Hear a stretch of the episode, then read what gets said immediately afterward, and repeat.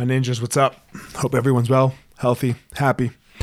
Um, as happy as we can be, right? um, anyway, that's kind of what I wanted to talk about today. Uh, dualism, right? Like right now, for the last couple months, somebody calls and asks you, "Hey, man, what's up? How you doing?" You say, "I'm good," and you are, right? There's nothing wrong. Chilling, happy, or you know, healthy. You're fine. But are you fine? Because I'm not like fine. I'm good, right? Like, like I'm like there's nothing wrong, but I'm not like fuck yeah. This is this is amazing. So am I good? But I am good. Can like the the opposite ends of the spectrums?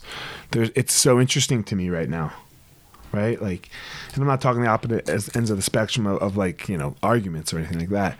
Just of two things going on in my life at the same time that are, excuse me, drastically different. So opposite. And can we just sit in them? Right? Can we sit in being good while not being good?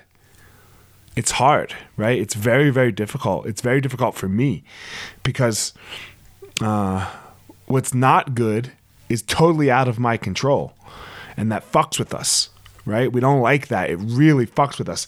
And i know for myself i work super hard at not letting the outside circumstances fuck with me. So that's why i'm good.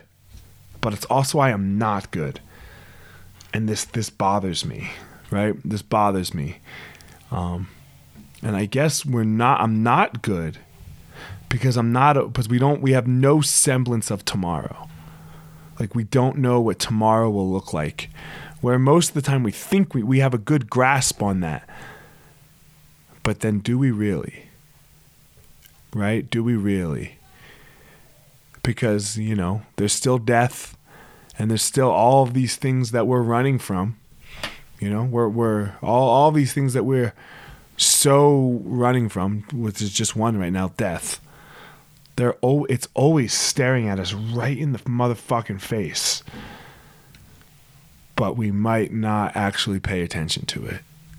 And right now we're paying attention to it. It's on your mind every day. It's it's being thrown at you. Your death your kid's death your mom and dad's death if you have grandparents that still are still alive their death your neighbor's death. And we're not handling so well right? It's hard dualism's a motherfucker. Find your power.